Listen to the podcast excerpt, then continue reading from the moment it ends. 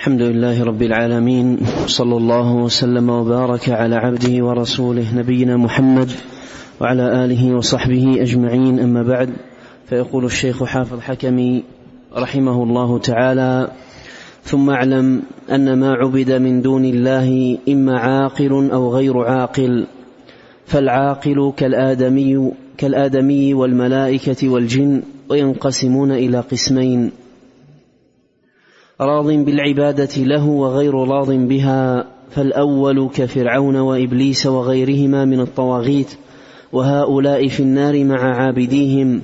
كما قال الله عز وجل إذ تبرأ الذين اتبعوا من الذين اتبعوا ورأوا العذاب وتقطعت بهم الأسباب. وقال الذين اتبعوا لو أن لنا كرة فنتبرأ منهم كما تبرأوا منا. كذلك يريهم الله أعمالهم حسرات عليهم وما هم بخارجين من النار. وقال تعالى في شأن إبليس لأملأن جهنم منك وممن تبعك منهم أجمعين. وقال في شأن فرعون يقدم قومه يوم القيامة فأوردهم النار وبئس الورد المورود. وقال تعالى وقال الذين كفروا ربنا أرنا اللذين أضلانا من الجن والإنس نجعلهما تحت أقدامنا ليكونا من الأسفلين. نعم. بسم الله الرحمن الرحيم. الحمد لله رب العالمين وأشهد أن لا إله إلا الله وحده لا شريك له وأشهد أن محمدا عبده ورسوله صلى الله وسلم عليه. وعلى آله وأصحابه أجمعين. اللهم علمنا ما ينفعنا وانفعنا بما علمتنا وزدنا علما. وأصلح لنا شأننا كله ولا تكلنا إلى أنفسنا طرفة عين. أما بعد فحديث المصنف رحمه الله تعالى في هذا الموطن عن من اتخذوا أندادا مع الله عز وجل يصرف لهم من الحقوق والأعمال ما ليس إلا لله جل في علاه. وأن هؤلاء المتخذين أصناف منهم من عبد من دون الله سبحانه وتعالى وهو راض بهذا. راض بأن يعبد من دون الله عز وجل بل يدعو إلى عبادة نفسه. فهذا طاغوت من الطواغيت. بل بل هؤلاء هم رؤوس الطواغيت لأن الطواغيت في الدنيا كثر ورؤوسهم هؤلاء. من يدعون إلى عبادة أنفسهم وعلى رأس هؤلاء الشيطان ومن كان من الناس داعيا إلى عبادة نفسه وتعظيمها وصرف العبادات لها مما ليس إلا لله سبحانه وتعالى. وهذا الصنف يكون في مقدمة الداخلين للنار ومن ورائهم عابديهم فيكون هؤلاء المعبود المعبودون المتخذون من دون الله عز وجل في مقدمة الداخلين ومن ورائهم معبوديهم آه، ومن ورائهم عابديهم من دون الله سبحانه وتعالى مثل ما مر معنا في الآية الكريمة يقدم قومه. يوم القيامة. فأوردهم النار وبئس الورد المورود. والصنف الثاني من عبد من دون الله سبحانه وتعالى وهو غير راض بذلك بل بريء من ذلك متبرئ من ذلك. فلا يضره ذلك شيئا لأن لأن هذه الأعمال هو بريء منها ولا يرضاها. فلا يضره شيء من هذه الأعمال وإنما تضر أولئك العابدين المتخذين الأنداد من دون الله سبحانه وتعالى. وساق رحمه الله تعالى آيات في هذا وفي هذا. نعم. قال رحمه الله تعالى وقال تعالى ويوم يحشرهم جميعا يا معشر الجن قد استكثرتم من الإنس وقال أولياؤهم من الإنس ربنا استمتع بعضنا ببعض وبلغنا أجلنا الذي أجلت لنا. قال النار مثواكم خالدين فيها إلا ما شاء الله. يا يا معشر الجن قد استكثرتم من الإنس. قد استكثرتم من الإنس. أي أخذتم من الإنس نصيبا كثيرا. أخذتم منهم نصيبا كثيرا أضللتموهم. ولقد أضل منكم جبلا كثيرا أضللتم منهم خلقا كثيرا ونصيبا كثيرا أضللتموهم وأوقعتموهم في آه، عبادة غير الله سبحانه وتعالى. ف آه، الله عز وجل وهذا يوم القيامة يا معشر الجن قد استكثرتم من الإنس. استكثرتم أي أخذتم من الإنس نصيبا كثيرا أضللتموهم عن عبادة الله سبحانه وتعالى. ثم لآتينهم من بين أيديهم ومن خلفهم وعن أيمانهم وعن شمائلهم ولا تجد أكثرهم شاكرين. فهذا معنى قوله سبحانه وتعالى قد استكثرتم من الإنس. قال اولياء وقال أولياؤهم من الإنس. أولياؤهم أي أولياء الجن وعابديهم. قال أولياؤهم من الإنس ربنا استمتع بعضنا ببعض. استمتع بعضنا ببعض. قيل في استمتاع الجن بهؤلاء أي ما يقع لهم من هؤلاء من تعظيم وعبادة وأنواع من التقربات لهم من دون الله سبحانه وتعالى. واستمتاع الإنس بالجن ما يقع لهم من الجن من خدمة ومعاونة في أمورهم وحاجاتهم ونحو ذلك. الناشئة عن تقرب هؤلاء الإنس لأولئك الجن. استمتع بعضنا ببعض. استمتع بعضنا ببعض. هذا يقولونه على وجه الاعتذار لكنه عذر أقبح من ذنب. كيف آه رضوا لنفسهم هذه الحال البئيسة في الدنيا بالتعلق بهؤلاء الجن والخضوع لهم والذل واتخاذهم أندادا مع الله سبحانه وتعالى لمجرد هذا الاستمتاع الذي يذكرونه في عذرهم هذا استمتاع بعضهم ببعض. استمتاع بعضهم ببعض. وكأن سبحان الله كأن هذا الصنيع الذي هو الشرك بالله سبحانه وتعالى كأنه مجرد تبادل منافع استمتاع هؤلاء واستمتاع هؤلاء. والحق حق الله سبحانه وتعالى عبادة هي حق لله جل وعلا. حق لله جل في علاه. لكن يذكرون هذا اعتذارا لكنه اعتذار عذر أقبح من من من ذنب أو أو عذر قبيح للغاية. استمتع بعضنا ببعض وبلغنا أجلنا الذي أجلت لنا. الموت لأن الموت ينقطع به العمل. الموت ينقطع به العمل وينتقل به إلى إلى دار الجزاء والحساب. فللانسان أجل. هذا الأجل له فرصة فيه أن يتوب أن ينيب أن يرجع إلى الله سبحانه وتعالى أن يترك الضلال. لكن إذا بلغ الأجل لكل أجل كتاب إذا بلغ الأجل انقطع. انقطع كل شيء التوبة والإنابة والرجوع إلى الله سبحانه وتعالى. كل ذلك ينقطع بالموت الذي هو الأجل الذي أجله الله سبحانه وتعالى.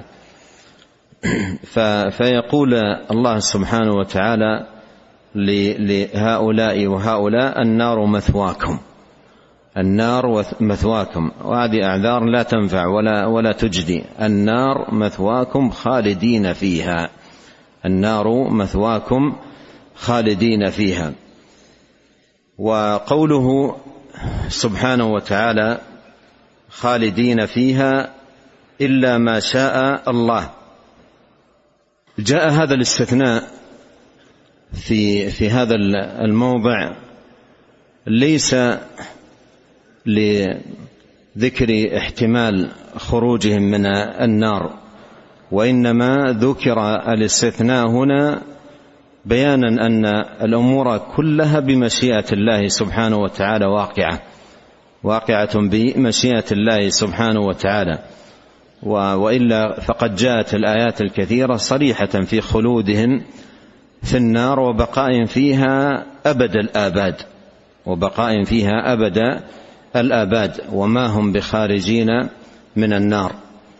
والذين كفروا لهم نار جهنم لا يقضى عليهم فيموتوا ولا يخفف عنهم من عذابها كذلك نجزي كل كفور.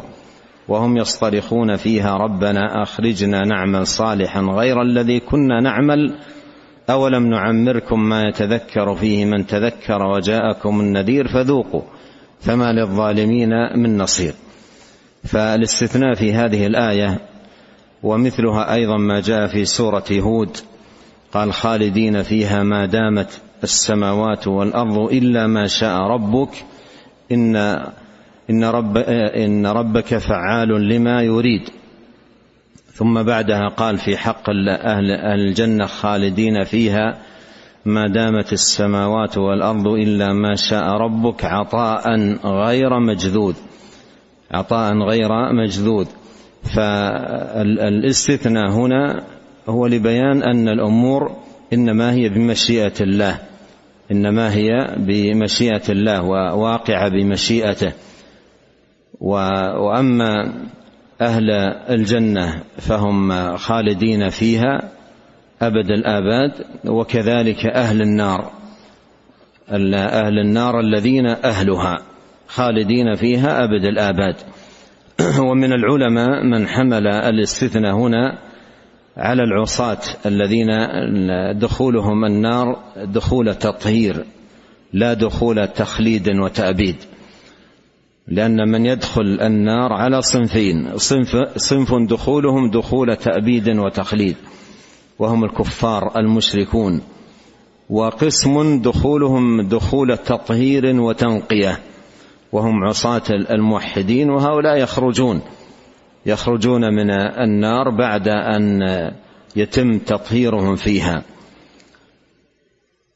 أخرجوا من النار من قال لا إله إلا الله وفي قلبه أدنى مثقال ذرة من إيمان. نعم.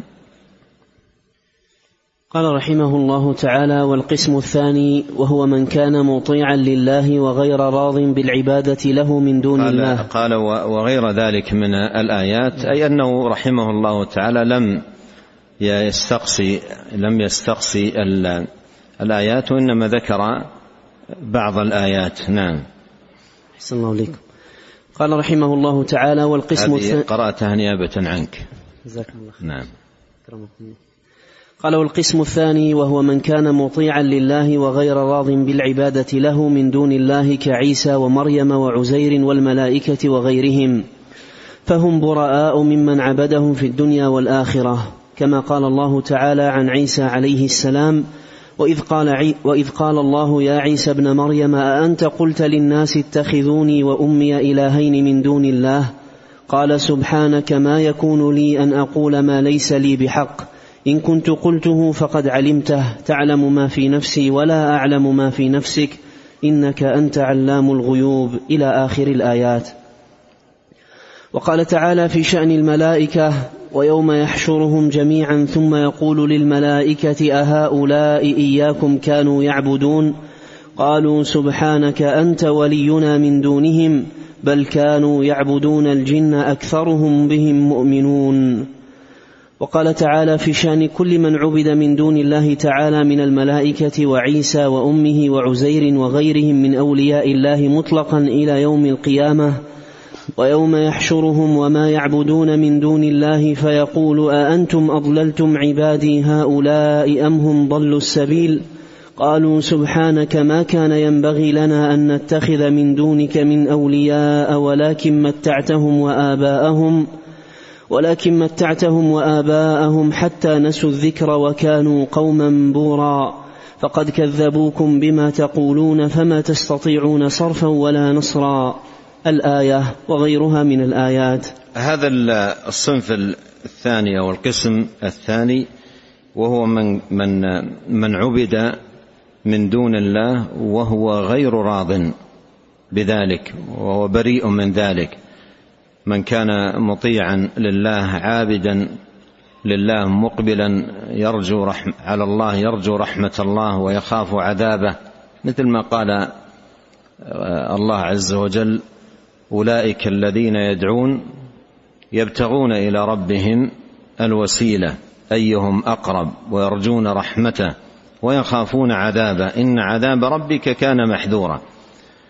هذه الآية نزلت في في في من كان يعبد آه، غير الله سبحانه وتعالى وكان ذلك المعبود غير راض بذلك بل آه، بل هو عابد لله يرجو رحمة الله ويخاف عذاب الله ومقبل على على طاعة الله عز وجل. الحاصل أن هذا الصنف من المعبودين المتخذين من دون الله عز وجل وهم غير راضين بذلك هؤلاء لا يضرهم لا يضرهم آه، شيئا عبادة هؤلاء لهم آه، فهم بريئون منها وغير راضين راضين بها وإنما تضر عابديهم.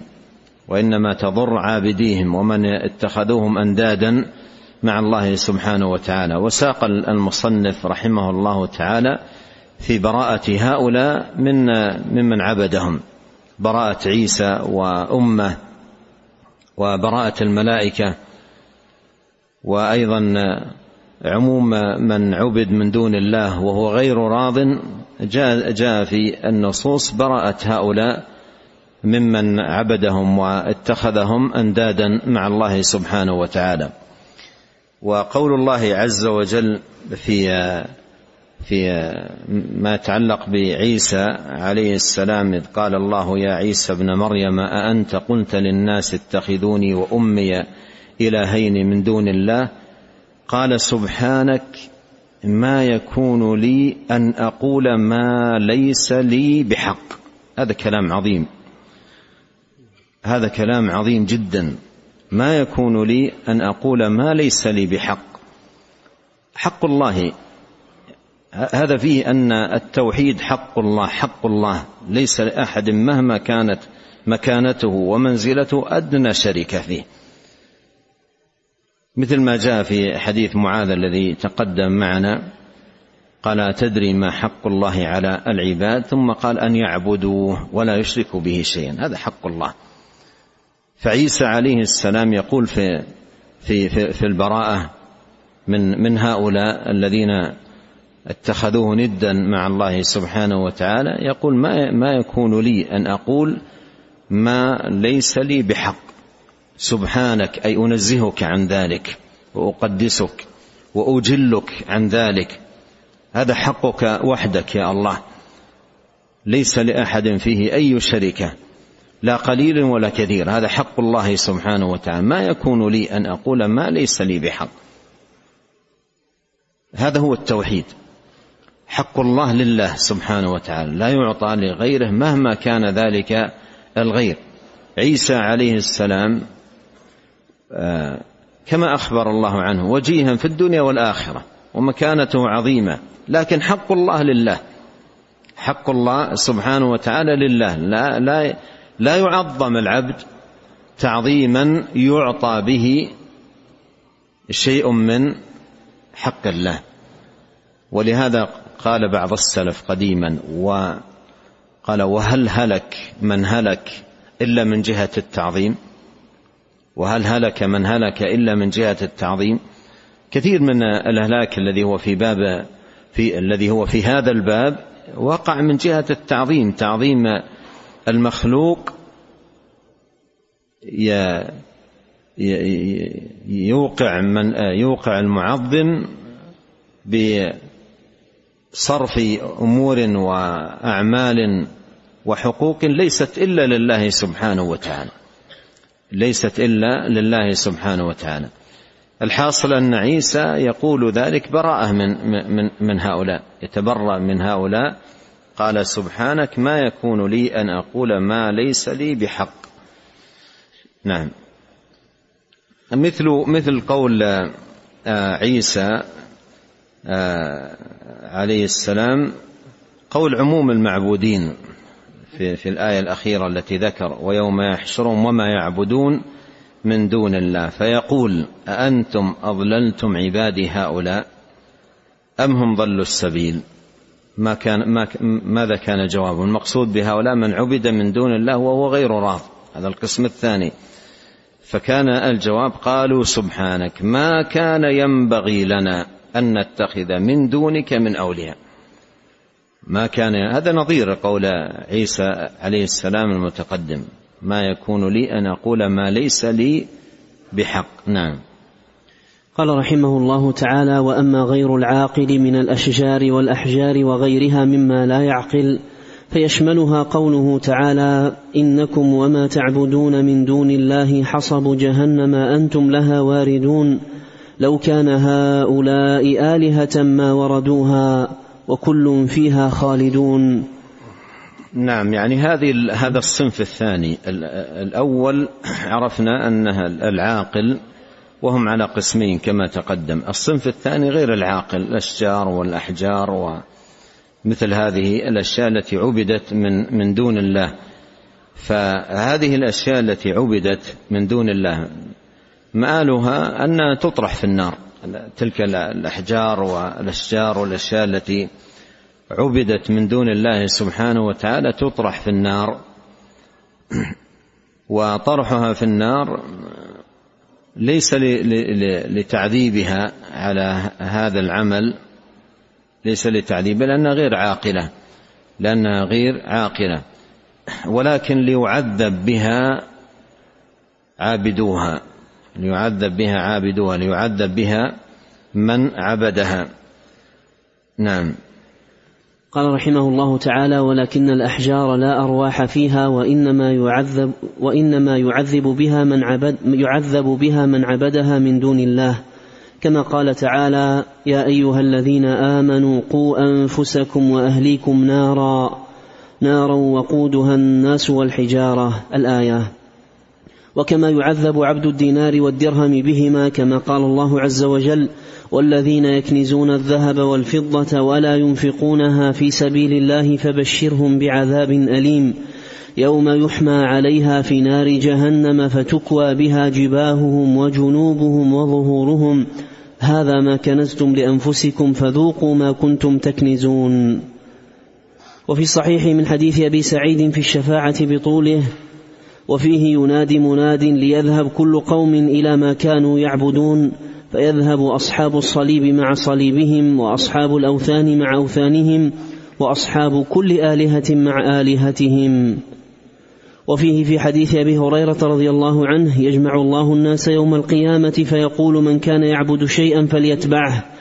فيتبع من كان يعبد الشمس الشمس ويتبع من كان يعبد القمر القمر ويتبع, ويتبع من كان يعبد الطواغيت الطواغيت. الحديث ويتبع من يعبد الطواغيت الطواغيت الطاغوت من عبد من دون الله وهو راض. ولهذا ذكر الشمس الشمس عبدت وذكر القمر القمر أيضا عبد لكن الطواغيت قسم آخر. لأن هذه أشياء غير عاقلة وإنما الطاغوت من عبد من دون الله وهو راض بذلك. نعم.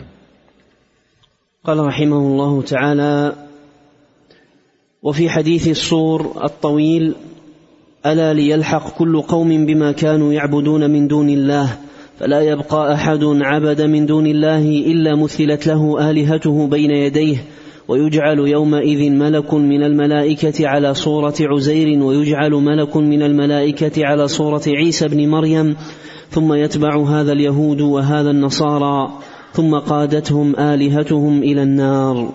وهو الذي يقول تعالى لو كان هؤلاء آلهة ما وردوها وكل فيها خالدون. وفي حديث ابن مسعود رضي الله عنه عند الدار قطني والطبراني وعبد الله بن أحمد وغيرهم من المصنفين في السنة عن رسول الله صلى الله عليه وسلم الحديث بطوله وفيه ثم ينادى أيها الناس ألم ترضوا من ربكم الذي خلقكم ورزقكم وأمركم أن تعبدوه ولا تشركوا به شيئا أن يولي كل أناس منكم ما كانوا يتولون ويعبدون في الدنيا أليس ذلك عدلا من ربكم؟ قالوا بلى قال فينطلق كل قوم إلى ما كانوا يعبدون ويتولون في الدنيا. قال فينطلقون ويمثل لهم أشباه ما كانوا يعبدون. فمنهم من ينطلق إلى الشمس ومنهم من ينطلق إلى القمر وإلى الأوثان من الحجارة وأشباه ما كانوا يعبدون. قال ويمثل لمن كان يعبد عيسى شيطان عيسى ويمثل لمن كان يعبد عزيرا شيطان عزير ويبقى محمد صلى الله عليه وسلم وأمته. الحديث. قلت وقوله يمثل لهم أشباه ما كانوا يعبدون. إلى آخره هذا في مثل عيسى وعزير. وأما عبدة الطاغوت فتقودهم طواغيتهم حقيقة لا أشباهها كما صرح به الكتاب والسنة والله أعلم. نعم كما صرح به الكتاب والسنة. الكتاب مثل ما تقدم معنا يقدم قومه يوم القيامة فأوردهم النار هو بنفسه. يقدم قومه يوم القيامة. و في, في السنة مثل الأحاديث التي تقدمت ويتبع من كان يعبد الطواغيت أي الطواغيت أي أنفسها ليس أشباهها. فقوله في هذا الحديث وأشباه ما كانوا يعبدون أشباه ما كانوا يعبدون. هذا في مثل عيسى وعزير وما نحو هؤلاء ممن عبد من دون الله. من دون الله وهو غير راض بذلك. ونسأل الله الكريم أن ينفعنا أجمعين بما علمنا وأن يزيدنا علما وتوفيقا وأن يصلح لنا شأننا كله والا يكلنا إلى أنفسنا طرفة عين. سبحانك اللهم وبحمدك أشهد أن لا إله إلا أنت أستغفرك وأتوب إليك. اللهم صل وسلم على عبدك ورسولك نبينا محمد وآله وصحبه. جزاكم الله خيرا.